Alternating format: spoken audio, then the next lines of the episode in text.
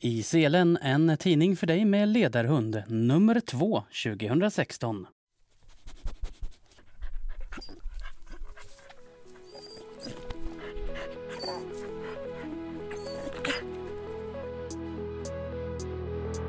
Hej allihopa och välkommen till Iselen nummer 2 2016.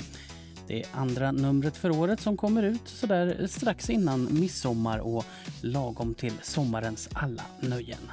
Jag som gör i selen, jag heter Joakim Kohlman. Innehållet i det här numret. Först i tidningen så blir det som vanligt ett snack med ledarhundsverksamhetens chef Ulrika Norelius Centervik som bland annat kommer att prata om fler personalförändringar inom verksamheten. Till Ledarhundens dag så gjorde SRF tillsammans med Ledarhundsklubben i Stockholms län en film för att berätta om behovet av att anslagen från staten ska höjas eftersom det är snart tio år sedan som det senast skedde. Filmen med tre hundar som pratar har fått mycket uppmärksamhet, inte minst bland ledarhundsförare. Man kan nästan gå så långt så att man kan säga att filmen delat ledarhundsförarna i två läger. Och Föreningen Sveriges ledarhundsförare har gått så långt så att de kräver att SRF ska ta bort filmen. Sommaren, ja den är som sagt redan här och vi ska prata lite om sommarens olika faror för våra ledarhundar. Jag träffade vår veterinär Marie Norlén redan i april då hon var på Almåsa för att träffa förare som fått nya ledarhundar. Och Föreningen Sveriges ledarhundsförare de har haft sitt årsmöte. Elisabeth Ravstis har avgått som ordförande och ersatts av Finn Hellman som bor i Göteborg. Du hör dem båda i det här numret av Iselen. Och apropå filmer så har Finn faktiskt gjort eh, egna sådana om behovet av att öka tillgängligheten för ledarhundsförare. Sist i tidningen så kommer ett kalendarium med tilldelningsveckor 2016. Ett sommarschema för att få veta vem som finns tillgänglig när under sommaren och så eh, sist också en kontaktlista till ledarhundsverksamheten. För den som lyssnar på Iselen på Daisy så kommer sedan lite klipp ifrån hundpressen. Då kommer det bland annat handla om hunden som skrämde rånarna på flykten och om hur det är att ha hund i Prag.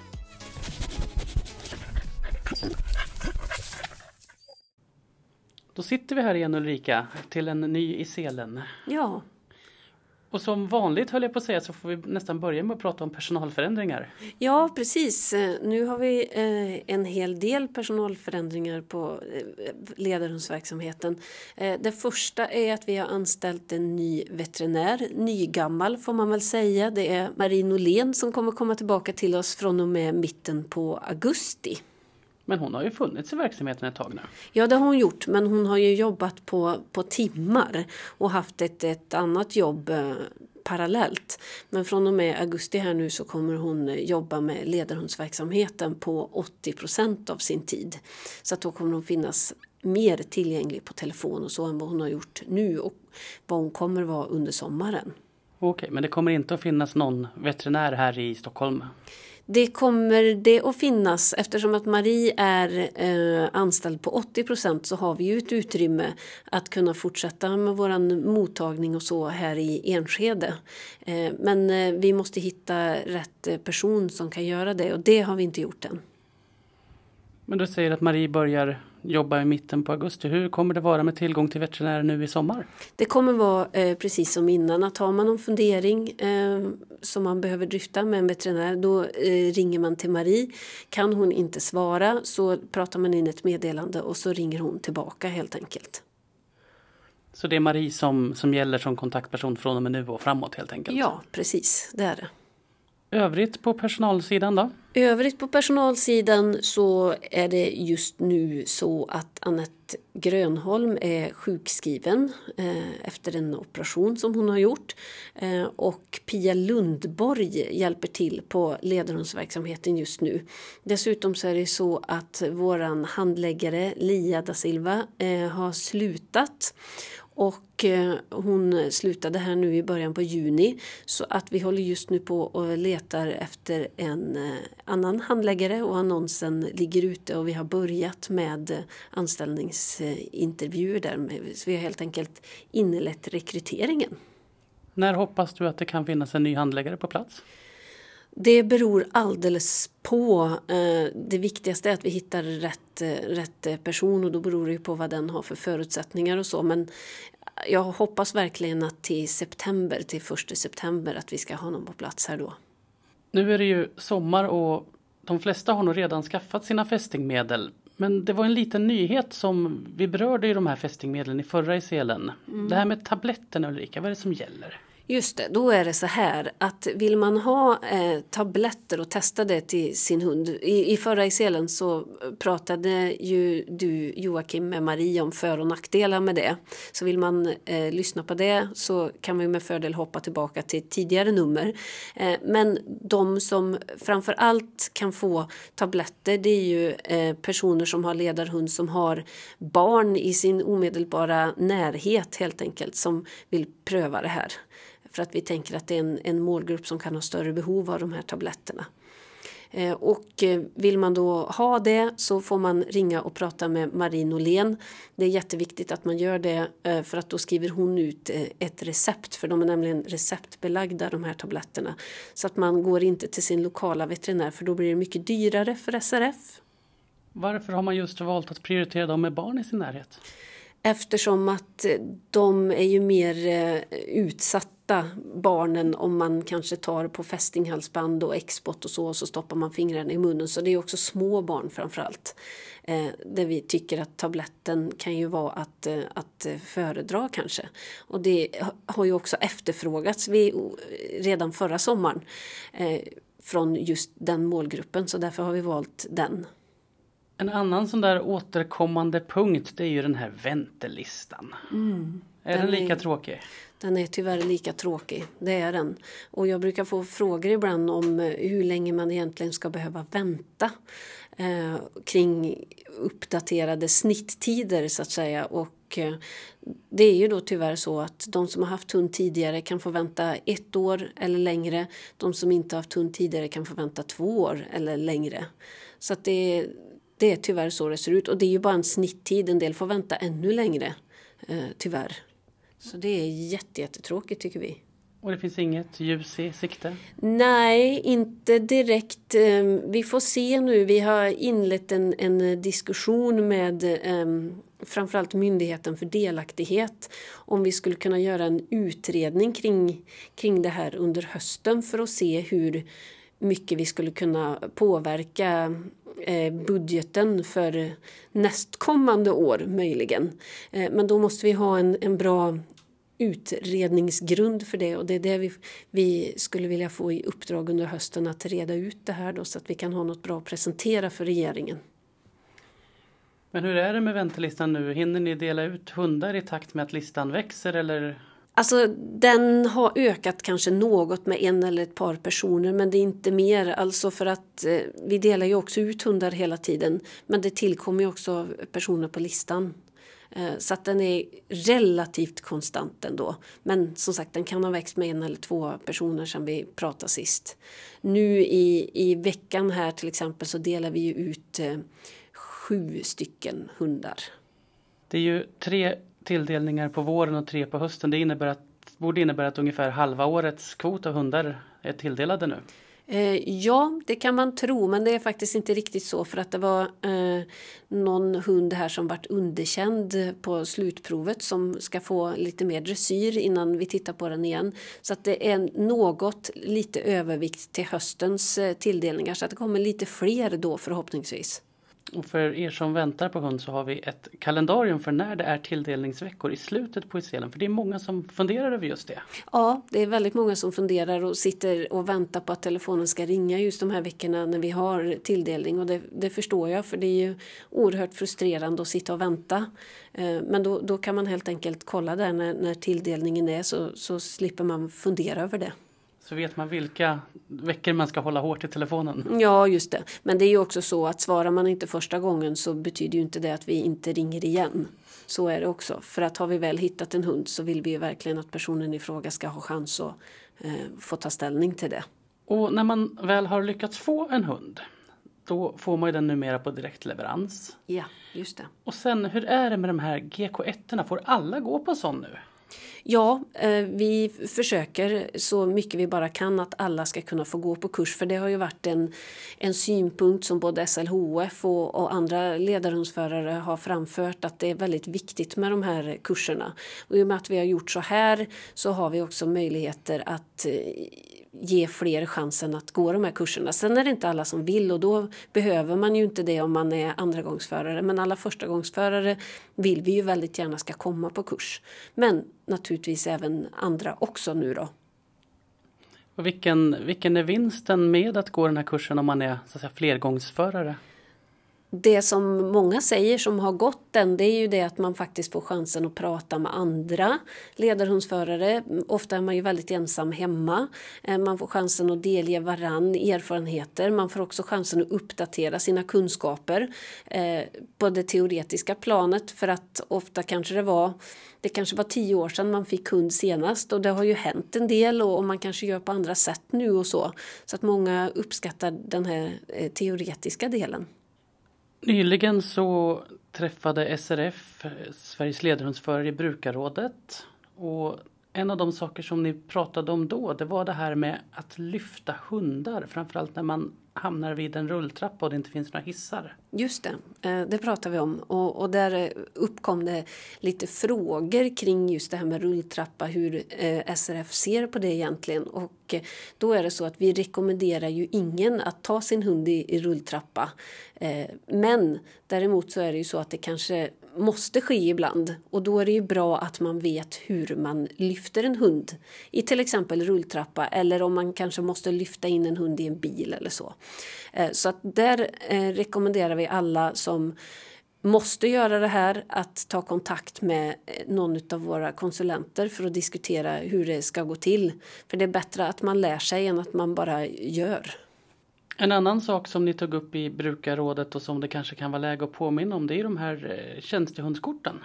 Just det, det var frågor eh, från, eh, från SLHF om det, om de här tjänstekorten den här maskinen som vi har den har ju funkat sedan länge och vi har skickat ut en massa kort.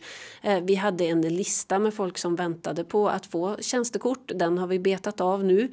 Så är det någon som inte har fått eh, ett eh, sånt här plasttjänstekort och vill ha det så får ni jättegärna höra av er hit så ska vi skicka ut det. Och då hör man av sig till Annette Grönholm med mejlar till henne med fördel just nu då eftersom att hon eh, är borta men vi kollar ju hennes mejl ändå. Och det tas fortfarande bilder på alla när de får hund?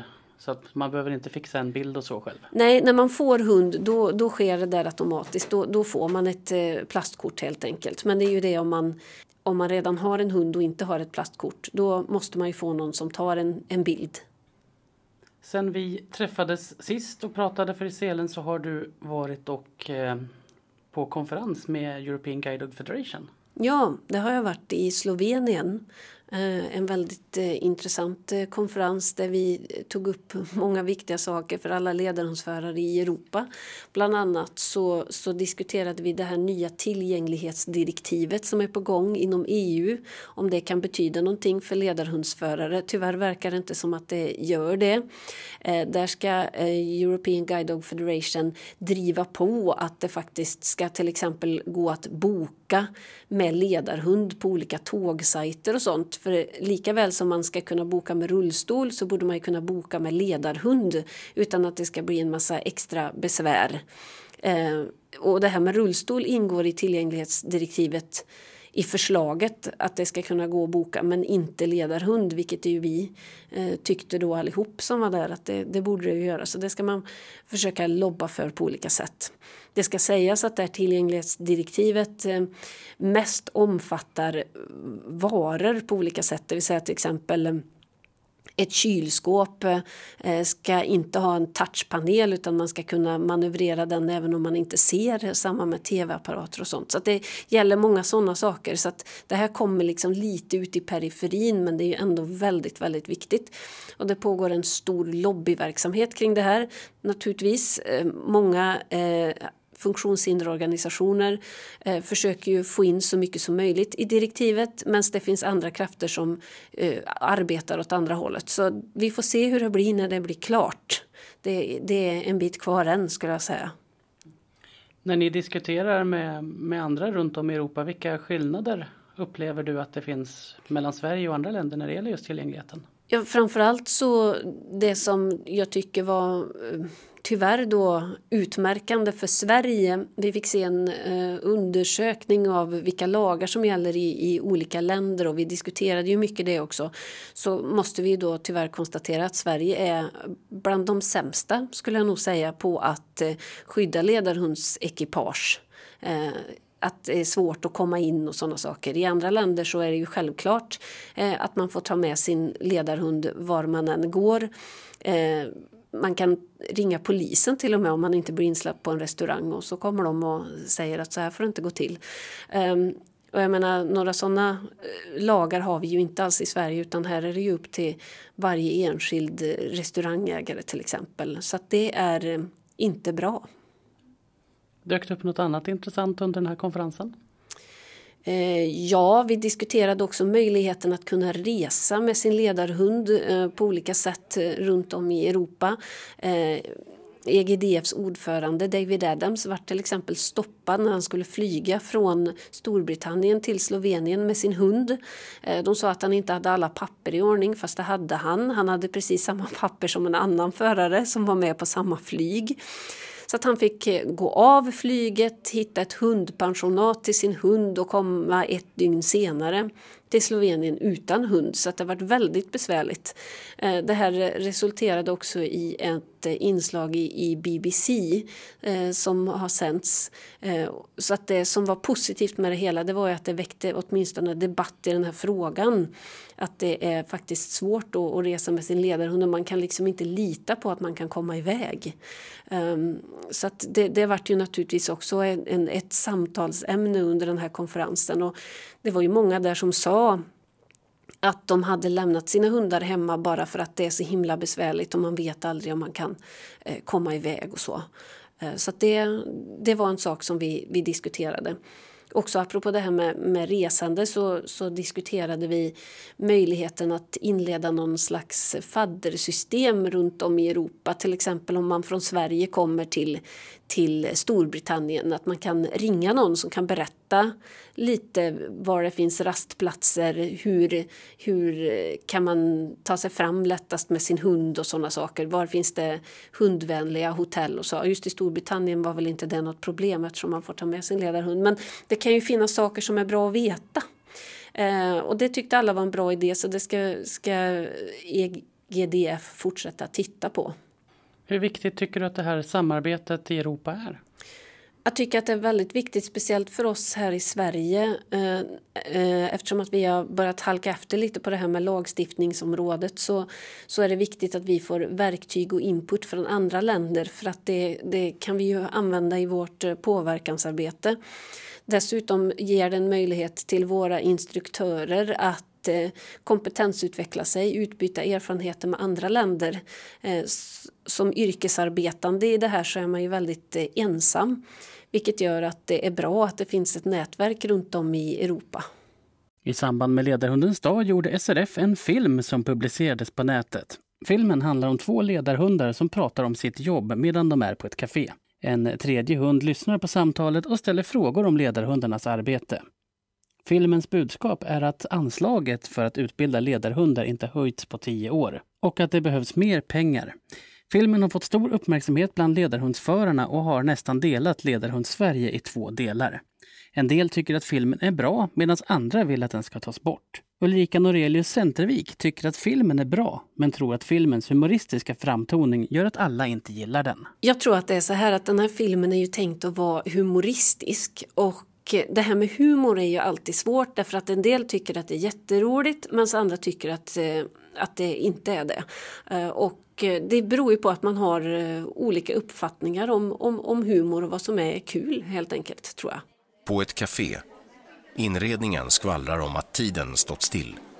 En brokig matta, grönmålad vägg, gardiner i röd sammet med långa knutar. Vid ett lågt bord med två koppar sitter två hundar med selar på sig och fikar. Två ledarhundar. Tja, vad har du gjort idag då? Den ena ledarhunden lägger sig ner. Ja, Matte har ju bestämt sig för att gymmet klockan halv sju är ett bra sätt att börja dagen. Och så workshop med jobbet, lunch med någon gammal universitetskompis och så möten och möten och möten. Vid ett annat bord En hund utan sele tjuvlyssnar. Och sen den där folkuniversitetsutbildningen. Du kan fråga mig vad som helst om astronomisk forskning. Jag har svaret. Du då? Den andra hunden ser fundersam ut. Den andra hunden Också mycket på jobbet. Sen husse fick barn igen så har det blivit fler jobbtimmar. Panikköp av blöjor eller mjölkersättning ibland och så babysim på det. Och så lite föräldragrupper. Fast jag känner mig behövd när jag måste jobba över. Fattar. Den andra hunden ser lite osäker Vad ut. jobbar ni med för något? Vi är ledarhundar. Ett par extra ögon åt folk som inte ser så bra. Det låter intressant. Hur blir man det? Ledsen att säga det kompis, men de som bestämmer har inte fattat att utbildningar och sånt är mycket dyrare nu än för tio år sedan. Så trots att det behövs är det nog kört. Tyvärr. Jaha. Kanske skulle världen vara bättre om människorna fick munkorgarna och hundarna lagarna. En av ledarhundarna lägger sig ner och gäspar. Kön till att få en ledarhund blir allt längre. Ledarhundarna behövs. Höj anslagen nu. Hälsar Synskadades riksförbund. Ledarhundsföraren Mikael Haraldsson är en av dem som är kritisk mot filmen. Han tycker att budskapet är otydligt och tycker också att SRF borde visa hela ledarhundsekipaget och inte bara ledarhunden. Sen är det här att man hela tiden eh, missar det här med att man är ett ledarhundsekipage. Och att eh, för att det ska fungera att jobba med ledarhund så är det det här teamet, att man är en förare och hund. Och det är en stor del av utbildningen. Man jobbar i två veckor tillsammans med hunden när man får den och man ska gå på eh, grundkurs 2 och grundkurs 3. Och det är det här att eh, den stora delen av en ledarhundsträning är samträningen med förare. Och att man gör någonting där man separerar förare och hund tycker jag är helt fel. Alltså en ledarhund är inte ledarhund när den är själv. Den är ledarhund när den är tillsammans med sin förare och i sitt ekipage.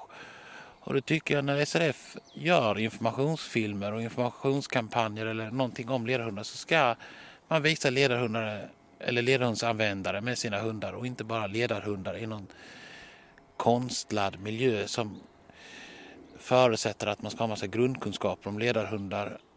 Nu om man tittar på den här filmen så tror jag att den odlar myter och fördomar om att ledarhundar är superintelligenta hundar som man kan bara ta i selen och säga nu ska vi gå till affären och det fungerar. Och man bortser allt det här arbetet som förare och hund har gjort tillsammans för att det ska fungera så. Ulrika Norelius Centervik håller med om att det är viktigt att visa hela ekipaget, men tycker inte att det passade i just den här filmen. Det är väldigt viktigt att visa det och det gör vi också i väldigt många olika sammanhang. Eh, I det här fallet så bedömde vi att eh, budskapet går fram på ett annat sätt om man gör så här. Eh, och det är ju där som, som eh, uppfattningarna går isär helt enkelt. En del tycker inte det, en del tycker inte det är värt att, att göra på det här sättet medan andra tycker att det är jättebra. Hon håller inte med om att budskapet varit otydligt. Tvärtom. Och till viss del får man ju ändå säga att det har gått fram för att jag fick eh, samtal här från, från socialdepartementet som hade fått in brev eh, kring den här frågan. Så det var ju bra. Och vad sa socialdepartementet? Ja, de ville att vi skulle svara på de här breven och det sa att det kan vi inte alls göra därför att det är ert, eh, ert bord och eh, besvara dem så att ni får höra med eh, era politiker vad de vill svara på det här. Så det skulle de göra, sa de. Mikael Haraldsson tycker att filmen är så pass dålig att den bör tas bort. Alltså tyvärr, jag tycker den här filmen var dålig och jag tycker man ska helt enkelt ta bort den och sluta använda den. Föreningen Sveriges ledarhundsförare antog vid sitt årsmöte ett uttalande där man framför ungefär samma kritik som Mikael till SRF. Man kräver också att SRF ska ta bort filmen. Detta kommer inte att ske, säger Ulrika Norelius Centervik. Och som sagt så har den ju verkligen delat ledarhunds-Sverige i två, två delar med några som tycker att filmen ska bort och några som tycker att den absolut ska vara kvar.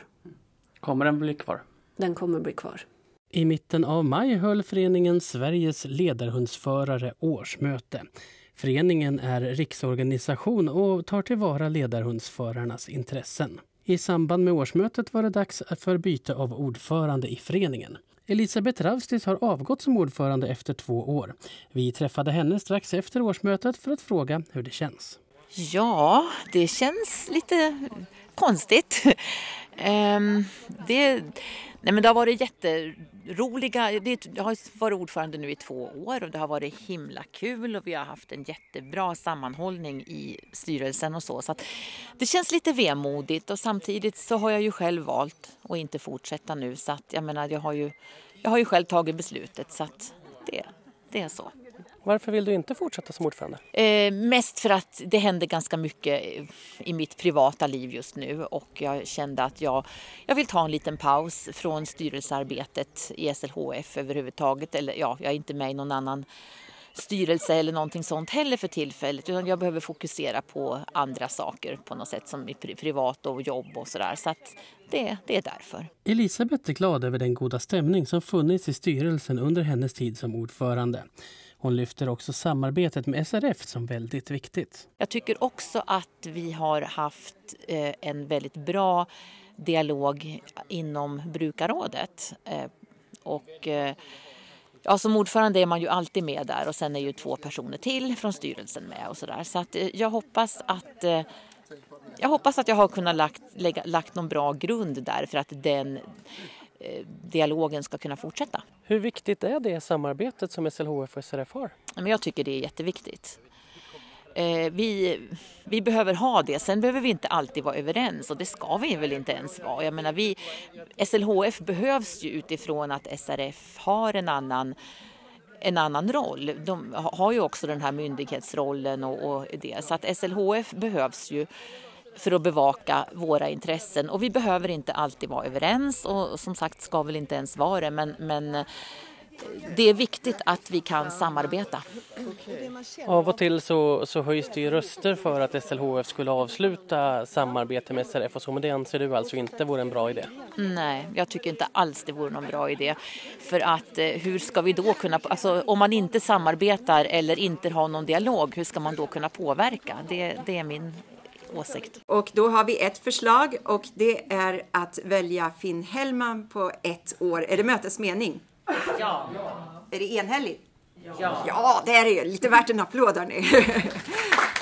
Ny i rollen som ordförande är alltså Finn Hellman, boende i Göteborg. Eller snarare nygammal. Finn valdes nämligen in som ledamot i SLHFs styrelse 2006 och lämnade den efter ett år som ordförande 2014.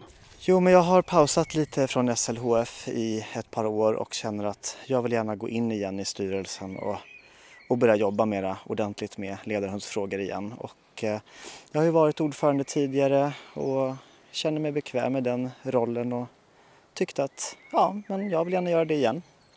Vilka frågor är det som engagerar dig mest?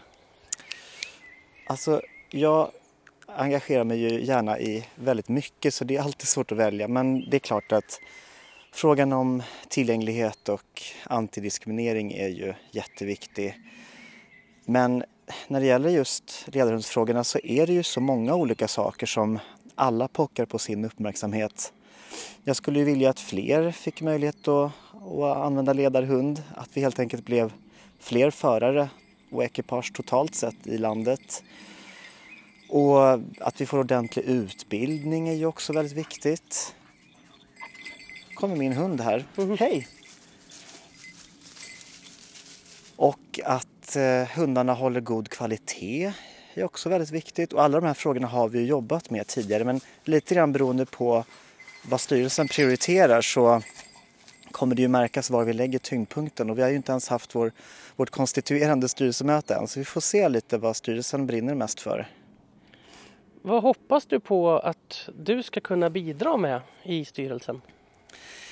Jag tror att jag har ju suttit i den här styrelsen i en massa år tidigare och vet ju vad SLHF har jobbat med de senaste tio åren och har ju de gamla kontaktnäten och, och vet vad som har gått bra och vad som har gått mindre bra. Så jag hoppas att jag ska kunna stå för en kontinuitet och sen så har jag ett stort intressepolitiskt hjärta så att jag vill ju gärna jobba mycket med, med intressepolitik. Och jag har en stor föreningsvana från inte bara synskaderörelsen utan har varit engagerad på många håll och kanter så att jag kan ju också hämta inspiration från andra håll. Så det hoppas jag också kunna bära med mig in i organisationen. Du får en styrelse med väldigt många nya. Hur känns det? Ja, men jag tror inte att det är så många fler nya än vad det varit förut. Eh, det är ändå två som sitter kvar från tidigare år, om jag inte har räknat fel nu. Mm. Och jag själv har ju suttit förut. Och flera av de som i och för sig är nya då i SLHF är ju inte ovana föreningsmänniskor utan jag vet att flera av dem har varit engagerade i styrelsearbetet tidigare. Nu är det ju som du säger en, en hel styrelse som, som ska fatta beslut om hur, hur verksamheten ska se ut framöver. Om du får, fick bestämma helt själv, finns det någonting som du skulle vilja förändra i hur SLHF arbetar? Jag skulle nog vilja att vi hade fler medlemsaktiviteter. Och det handlar ju mycket om ekonomi. Så vi behöver på något sätt få mer pengar. Och där kan vi kanske hämta inspiration från Service och signalhundsförbundet för de har ju lyckats väldigt bra med sponsring. Där kanske vi borde ta efter och hitta fler sponsorer för att om vi inte ordnar fler medlemsträffar så är jag orolig för att medlemmarna ja, inte kommer att se egennyttan av föreningen. Hur ser du på SLHFs samarbete med SRF? Det är en väldigt stor fråga.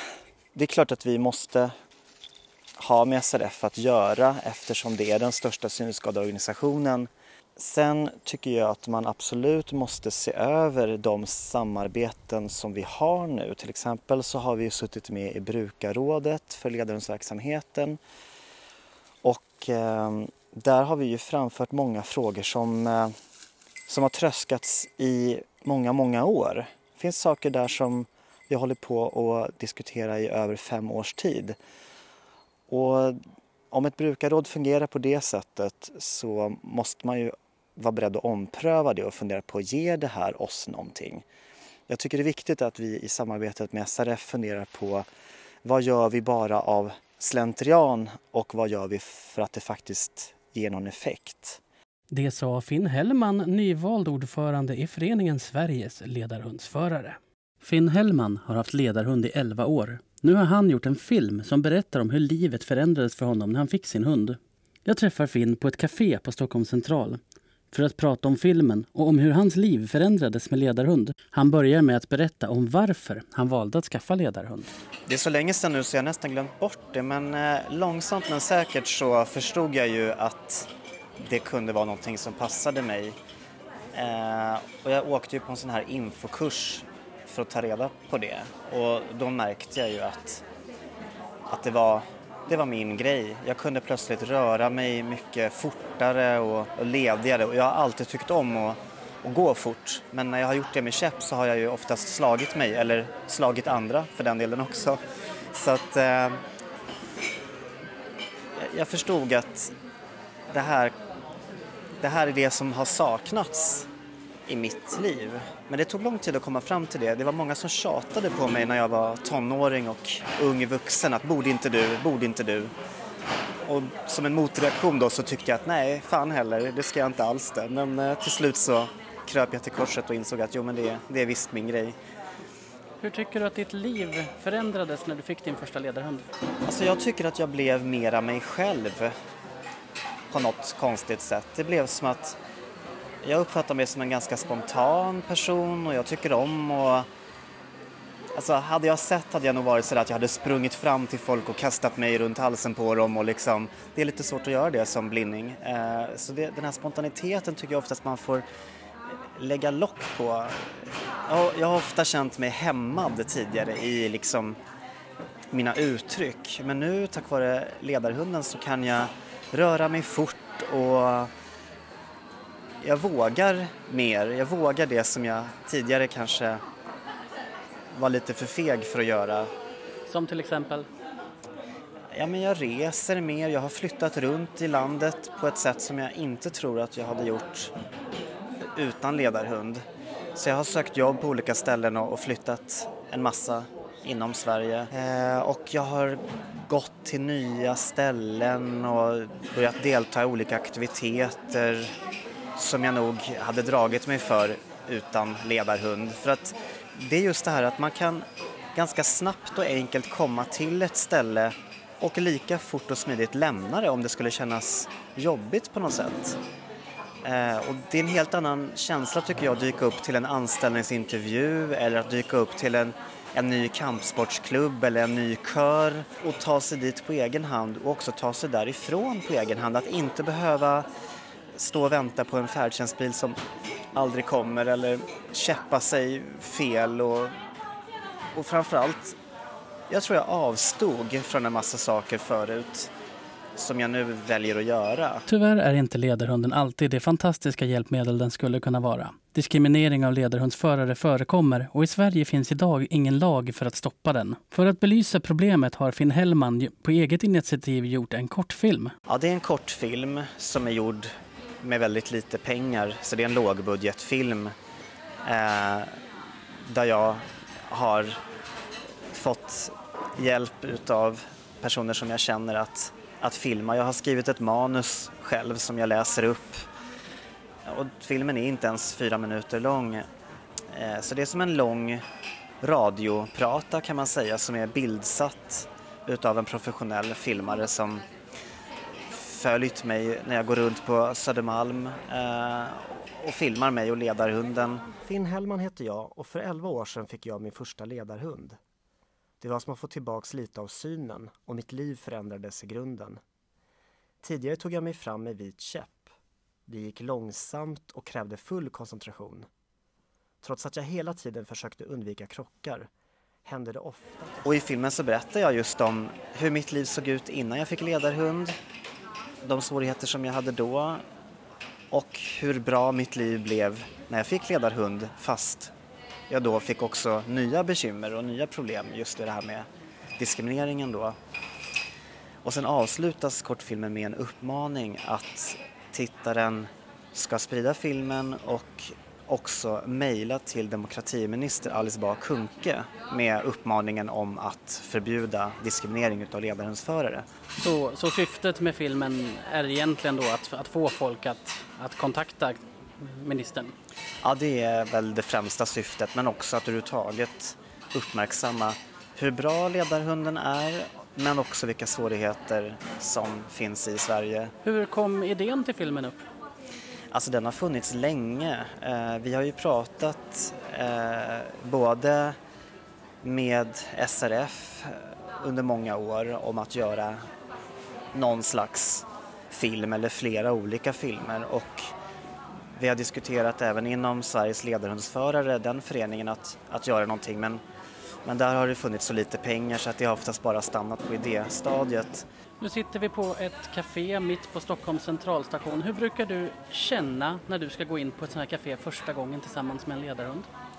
Jag brukar faktiskt få förhöjd puls eh, och lite hjärtklappning eh, därför att en del personer tror att jag inte är konflikträdd och det är inte riktigt sant. Jag tycker inte om konflikter och jag, blir väldigt, jag är väldigt konflikttrött kan jag säga nu efter 11 år. Jag vill ju helst bara glida in, köpa min kaffe, sätta mig med mitt sällskap och vara som vem som helst. Men det är så sällan som man kan vara det utan man får alltid en massa oönskad uppmärksamhet. Så jag brukar oftast känna den här förhöjda stressnivån när jag går in på ett nytt ställe. Och det kan ta tid, även om jag sen får komma in så kan det ta tid innan det där sjunker tillbaka. Den här frågan med, kring en antidiskrimineringslag som gäller ledarhundsförare, den har ju pratats om i väldigt många år. Vad tror du det är som krävs för att vi ska kunna få en sån lag i Sverige? Jag tror att det skulle behövas en större tydlighet från SRF. Eh, jag känner ibland att det inte är helt tydligt vad SRF vill i den här frågan och jag tror att det måste vara helt klockrent vad organisationen vill. Jag tror att vi kanske behöver kontakta lite kändisar som ställer upp och, och backar upp oss. Jag tror att vi måste jobba lite mer offensivt. Eh, jag känner att vi hittills har jobbat ganska defensivt men att Vi måste tro mer på oss själva och vad vi vill och att vi har rätt. Och att det här är inga konstigheter eh, som vi kräver utan det här är ju snart, det, det ser ju väldigt annorlunda ut i många andra länder. Så det är ju vi som är undantaget. Så det, vi, vi har hamnat i en konstig position när vi argumenterar. Det är ju egentligen andra som borde motivera varför vi inte ska ha en sån här lagstiftning. Istället för att det är vi som ska hela tiden försöka förklara varför vi behöver den. Hur långt hoppas du att du ska nå med den här filmen du har gjort nu? Det är alltid svårt att mäta framgång men jag tror att det kan ge lite hopp till en del utav oss så att vi orkar jobba vidare. Jag tror att det också kan få synskadade människor i Sverige att förstå att man kan göra någonting själv. Man behöver inte alltid vänta på att någon organisation ska göra någonting. Eh, och det kan ju bli ringar på vattnet så att det är kanske fler som börjar göra filmer eller skriva artiklar eller böcker om, om sin situation. Det behöver kanske inte just vara om att använda ledarhund, det kan ju vara om någonting annat. Men jag tror att, att det här kan bli ett steg i rätt riktning och sen krävs det att, att man gör mer saker. Men så långt hoppas jag att vi kan nå med filmen. Det sa ledarhundsföraren Finn Hellman.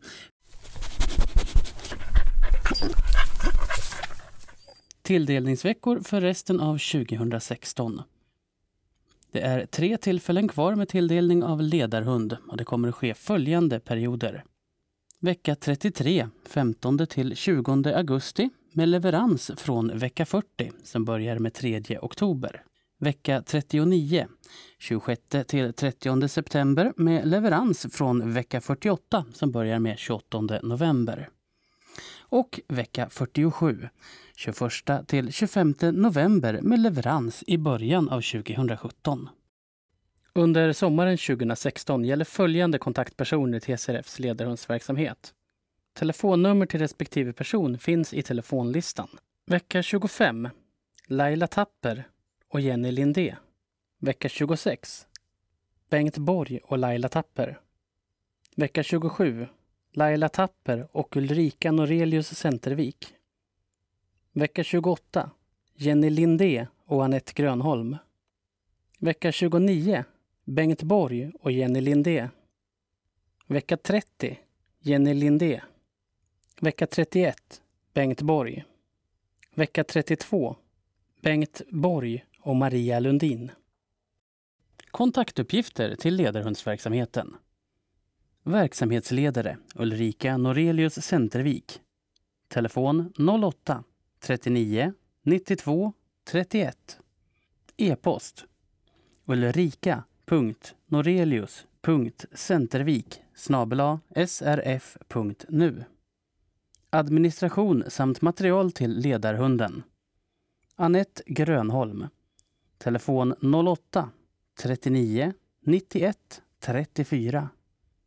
E-post Anette med två n och två t punkt Groneholm snabela srf.nu Pia Lundborg.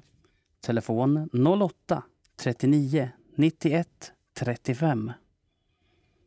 Eller 08 39 93 23. E-post pia.lundborg srf.nu Support och hembesök. Laila Tapper. Telefon 08 39 91 98 Mobil. 0765 39 91 98 E-post. laila.tapper snabela srf.nu Jenny Lindé. Telefon 08 39 91 96 Mobil. 0765 39 91 96 E-post jennie med två n punkt linde l-i-n-d-h-e snabela srf.nu Support, hembesök, slutprov och tilldelning av hundar. Bengt Borg. Telefon 08 39 91 91. Mobil 0765 39 91 91. E-post bengt.borg srf.nu. Maria Lundin. Telefon 08 39 91 97. Mobil 0765 39 91 97. E-post maria.lundin srf.nu. Veterinär Marie Norlén. Telefon 08 39 91 93. Mobil 0765 39 91 93. E-post veterinar srf.nu. Det var allt vi hade att berätta om i det här numret av Iselen. Men vi hörs igen såklart i nästa nummer och till dess så önskar jag dig en riktigt härlig sommar. Du har lyssnat på Iselen, en tidning från SRF Ledarhundsverksamhet för dig med ledarhund. Tidningen utkommer med fyra nummer per år och skickas med automatik till samtliga synskadade i Sverige med dispositionsrätt för ledarhund. Tidningen utkommer på Daisy, i förkortad version som podcast och i Word-format på vår hemsida srf.nu. Redaktör för tidningen är Joakim Kohlman. Telefon 08 39 92 27.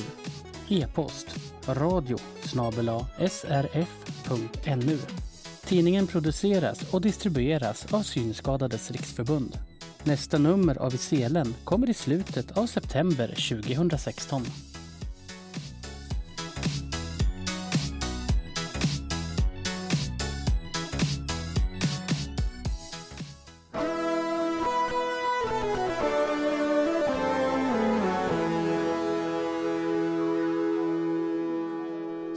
Synskadades riksförbund.